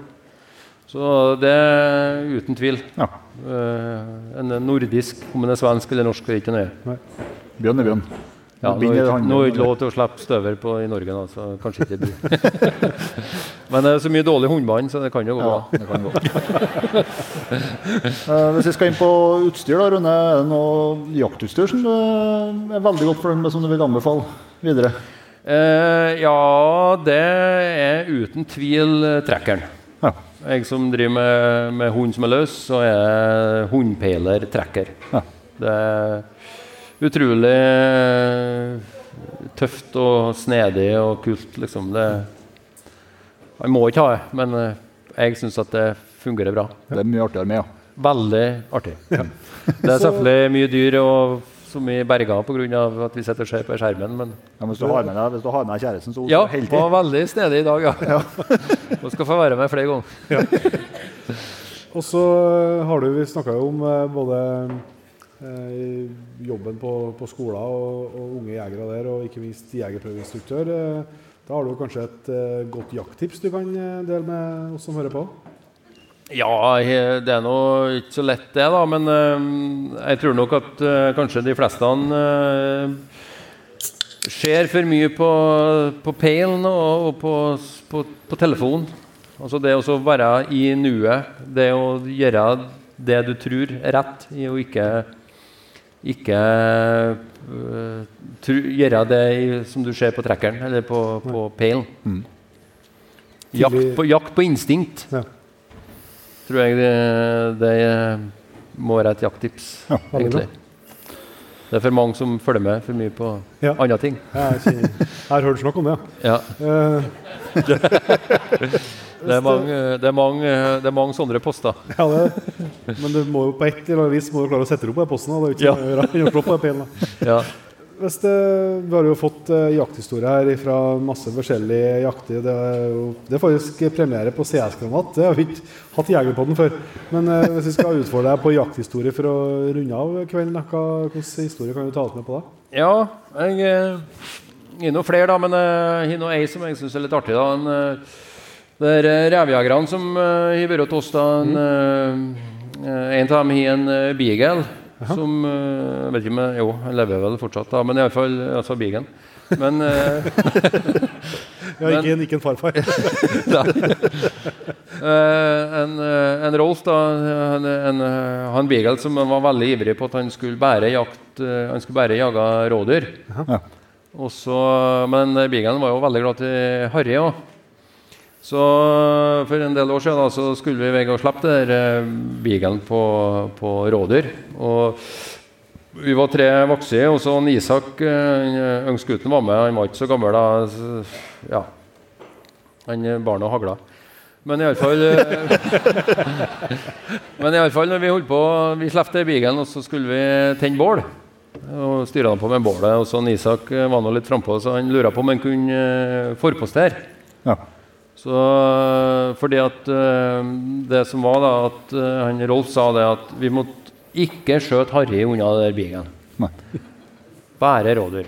Så, men så sa han òg det at om det så ble Haraldos, da, så kunne en Isak få skjøte. Ja. Men ikke noen av oss Vaksi-karene. Og det var nå greit, det. vet du. Og så måtte vi passe på da, at hvis en skjøt Harry, så måtte vi prøve å få til hunden før han kom bort til fallet. Det var noe greit. Ut. Og vi satte oss der og begynte å koke kaffe. og så Isak hadde gått en 100 meter lenger bort der. og Så hører vi det smelle to skudd. Og så går det to sekunder, så hører vi Bigen starte og los oppi 200-300 meter unna oss. Og jeg sprenger oppover til Isak der, og der står nå han vet du, og rister. Og, og så ser han at det kom en hvit hare her, og så han fyrer av to skudd. Men han sprang videre.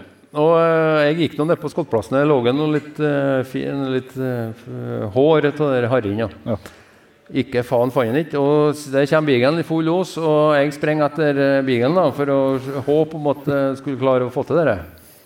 Og så kommer de i en blautdal der, vet du, og, og der er jo faen meg hunden bort. Men så ser jeg på peilen at hunden er jo her en plass. Og da var faen meg en bekk som slo seg på hund i gråen der, og ni der av harrien forrige, og Beagle lett. Og det ble jo ikke kvineng på den der eh, rota der. Så der Bigen han bet nå i hjel det der eh, på den der, da. Dæven ta, gikk mange år før Tora fortalte Rolfen det der, altså.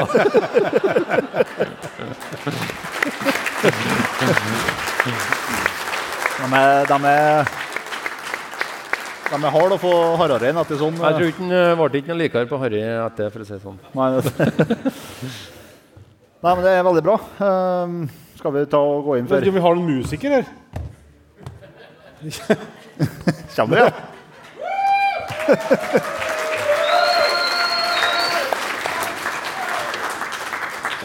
Vi eh, tåler vel ei låt til, da. Ja, ei til. Ei til. Og hva er vi må gjennom når året er ferdig? Var det noen som ikke hørte hva han sa? Fangstrapport. Og da er således at i den låta så er det lagt opp til en viss allsang. Og når det er lina opp så fint som det med bord her nå, så passer det helt perfekt å dele opp salen i to. Kan vi gjøre det? Skal vi se. Midt etter gulvet bortover den nå deler vi i to. Blir ikke cirka helvete. Ja. Og de som sitter på den sida, da, de skal huske på tre ord. Og de tre ordene, det er 'vi hi skøtti'. Sånn, ja. Og de som sitter på hendene sida, de skal huske på fire ord. Litt mer krevende, selvfølgelig. Og det er 'vi hi skøtti ja'. Det er en ja i tillegg. Det blir litt tussigere å komme her, selvfølgelig, men vi, kan, uh, vi må tillate oss å prøve.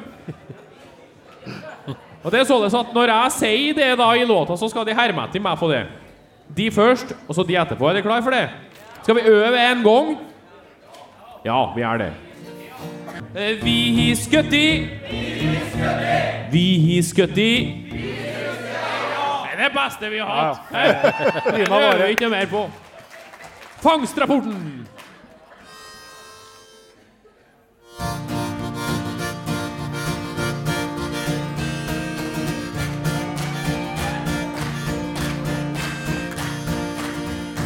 Jeg ble invitert på jakt med Jegerpoddens menn. Ta gjerne med deg gitaren vi trenger når vi kan brenne. På bålet, det sa dem da. Jeg mente å ha erfaring, jeg har skutt i fugl før. Da holdt de opp en fangstrapport og sa Vi har skutt rådyr, pungdyr, nebbdyr, steppesebra, bison på den franske riviera. Oter, ilder, mink og mår. Sisten var tynn og blå som en isbår. Ræv og en grevling som var skudd bakom huset den Jens Kvernmo bodde. Villsvin, marsvin, kanin og hjort. Laks og laka, makrell og mort. Men denne har fisking, det sa jeg nå. Tror jeg de snakker dere bort. Nå er du. Fisken bak og sendt, og vi skal ut fort. Ja da. Vi har skutt i, Vi skutt i! vi har skutt i. Vi skutt i, ja! Dæven søkki, hva dyr i døtti, vi skutt i alt. Ja.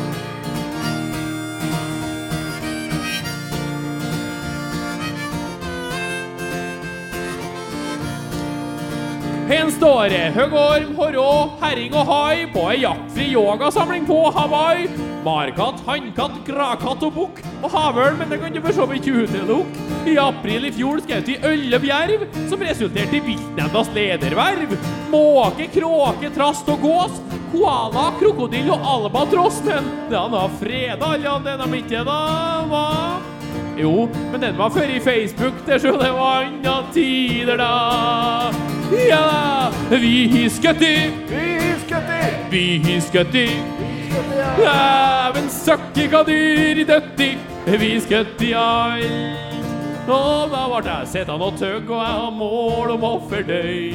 Ja, de vet, jeg som ikke har lagt ned noe mye annet enn ei anna gammel røy. Det var da voldsomt. Rapporterer de alt det der? Ja, det er nå bare framsida. Skal vi se på baksida? Jo, her står det faktisk flere. Og vi nevner bever, bøffel, bjørn og elg etter rikosjett fra en karavelfelg. Så først har gått igjennom en Toyota Hilux og streifa en sprek og harryen tamstruts, gaupe, gnu, hakkespett og sel, galte, padde, panter og del av en tiur vi mente måtte være fasan. Vi skjøt det så rørte seg, ja, det var det som var planen, men vi kom oss. Ja, nå jakter vi ikke så stygt, for nå har vi gjengen i Hvem er vi har med på laget? Å vel. Så nå lander vi med luft og sekte høgt. Ja da! Vi har skutt i, Vi skutt i! vi har skutt i. Vi skutt i, ja! Dæven søkke hva dyr i døtti, vi skutt i all.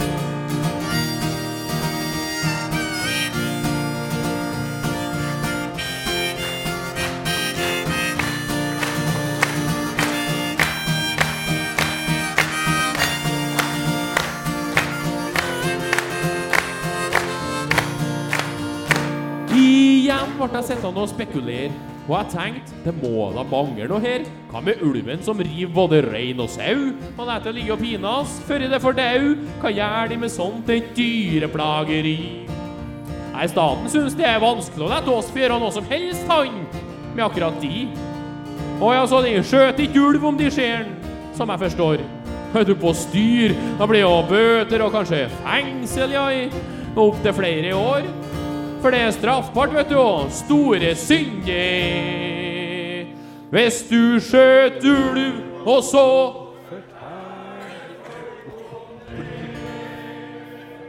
Hvis du skjøt ulv, og så fortelle folk om det vi husker det. Vi husker i! vi husker det. Vi husker det, ja! Dæven søkke hva dyr i døtti, vi husker i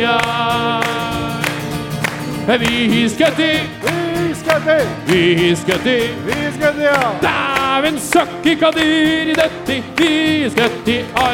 Hei!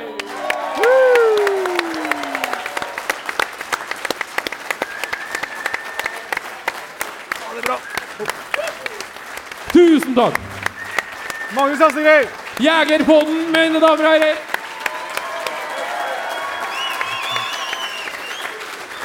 Og eh, helt til slutt en kjempeapplaus til kveldens gjest, Rune Flatås!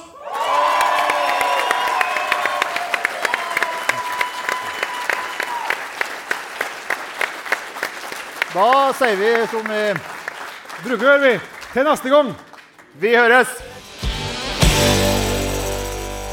Det var altså Rune Flatås og Magnus Hestegrei og oss to nå, og en eh, par hundre stykker til i salen på, på Høylandet. Yep. Jækla artig. Og en, eh, Rune, som dere har skjønt nå, god både til å fortelle og, og en meget ivrig og dedikert jeger. Og jeg tror han eh, har òg fostra fram jegere. Ja, det har han absolutt. Det, det kommer i hvert fall en etterkommer der som jeg tror blir minst like hard i skogen som en Rune. Ja. Så det var, det var kjempeartig å få prøve seg på litt Jegerpodden live igjen. Og det blir det nok eh, vet nå at det blir slutten på mars òg på Camp Villmark. Og det er nok eh, muligheter òg lenger fremover året. Det er flere arrangører som holder på å invitere. Så det kan, det. Men vi har fortsatt helgen helger ledig, da, hvis noen flere som spekulerer. ja, det fins muligheter.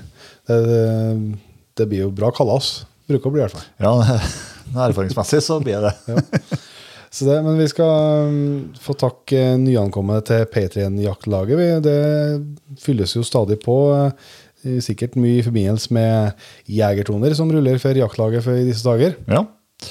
Der må vi nå først og fremst takke for eh, veldig mye gode tilbakemeldinger. Ja, helt rått. Det, vi har, jeg syns vi har fått fortjent eller ufortjent, men vi har fått mye skryt for å holde på med Jegerpodden. Men jeg tror det her rundene her med jegertoner tar kaken likevel, altså. Ja, det er, det er skøy. Men det, er også, det kjennes litt godt òg, for det er klart vi, vi bruker jo mye, vi bruker mye tid på det. Ja, vi gjør det. Så det er kjempeartig. Og siste episoden også var jo, i, var jo på drivjakt i Polen. Det Der er, vi er vel ikke de som kommer heldigst ut der. Nei da. Vi, vi, vi, vi, vi vil ikke kløps godt. Det er sånn De bruker å klage på sånn realityshow. Sånn at jeg er ikke så dum, jeg bare blir kløpt dum. så det vi får skyld på, skyld på ansatte å sitter. Men eh, neste to episodene eh, kan gi et lite frampek på dem, kanskje. Og der eh, er det Det blir noe helt annet igjen. Ja. Da eh, ble vi kasta ut i en såkalt eh, challenge, som eh, skulle kåre det ultimate fangstlaget. Og det, der visste ikke vi noen ting om. Det gjorde vi ikke, men det ble ikke noe mye artig av den grunn. Så der er det et eh, 24 timers reis som eh, var jæklig artig, og som tok på kroppen. Men eh, resultatet av vinnerlagene det må vi nå komme tilbake til når det, du må få se på skjermen først.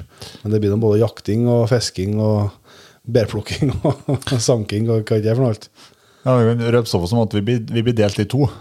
Og knivinga mellom lagene, den eh, Vi starter fra første sekund. Ja. Så det, nei, også kan vi nå tipse om eh, i forhold til Patrion at eh, neste uke så er det jo klart for en Patrion-episode igjen. ja.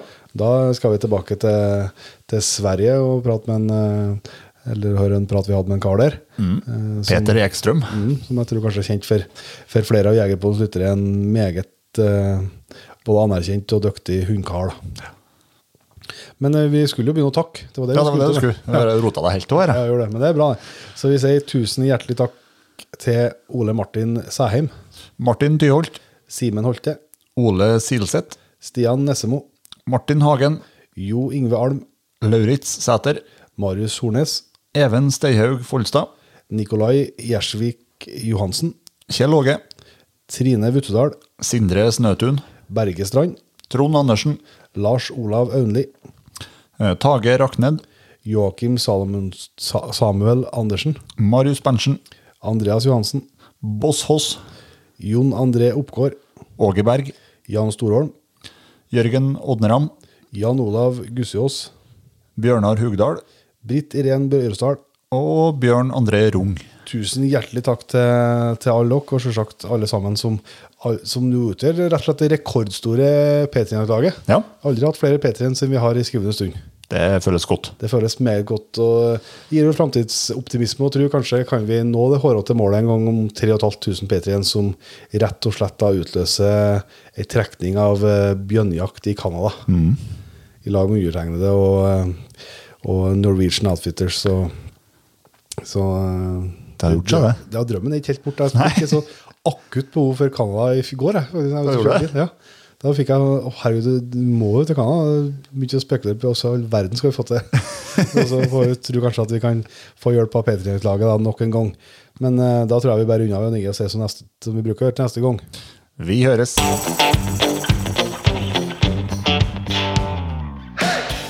Tusen hjertelig takk for at du valgte å bruke litt av tida di på Jegerpodden. Sjekk ut jegerpodden.no eller din favoritt favorittpodkastspiller for enda mer innhold og flere episoder. Følg også Jegerpodden på Facebook og Instagram, og ikke minst, husk å fortelle alle gode venner, familie og tilfeldige forbipasserende om Jegerpodden, sånn at vi får spredd det glade budskap videre. Vi høres.